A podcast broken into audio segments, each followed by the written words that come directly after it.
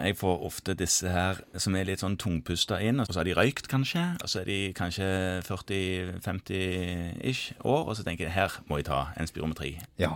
Ok, Jeg har jo en mistanke om at det kanskje kan være en kols Ja. her. Da bør man gjøre en reversibilitetstest. Det må man. Ja. Og hva er egentlig det? Ja, en reversibilitetstest er jo egentlig bare en test av om en eller annen antatt obstruksjon i lungen er mulig å normalisere eller forbedre ved bruk av en eller annen medisin.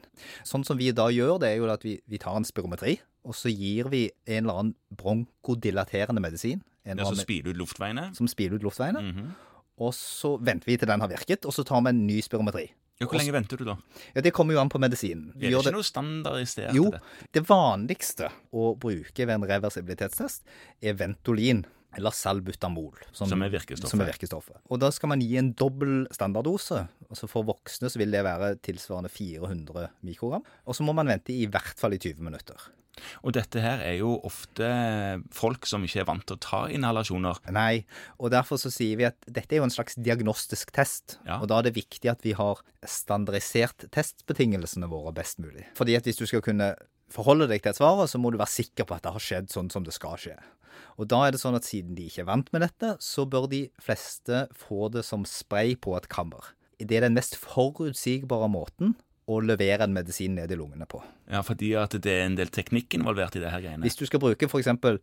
andre sånne pulverdevice eller spray rett i munnen, så krever det ganske mye koordinasjon og teknikk hos pasienten.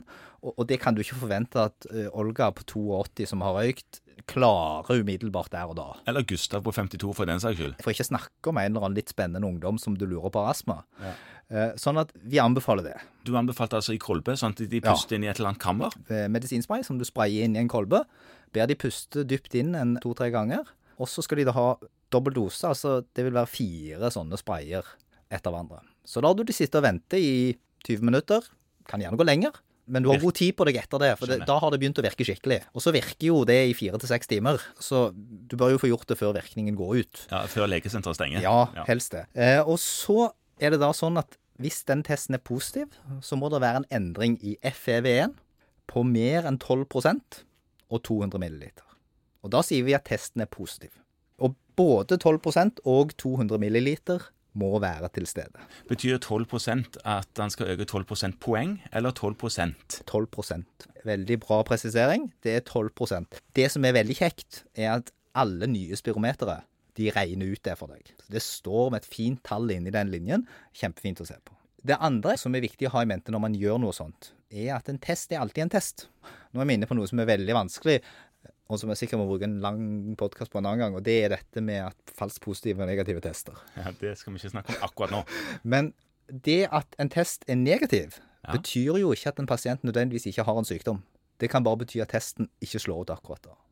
Det som er viktig i forhold til kols, som du begynte å spørre om, det er det at hvis du skal ha en kols, så skal du fortsatt ha en obstruksjon etter at reversibilitetstesten er gjort.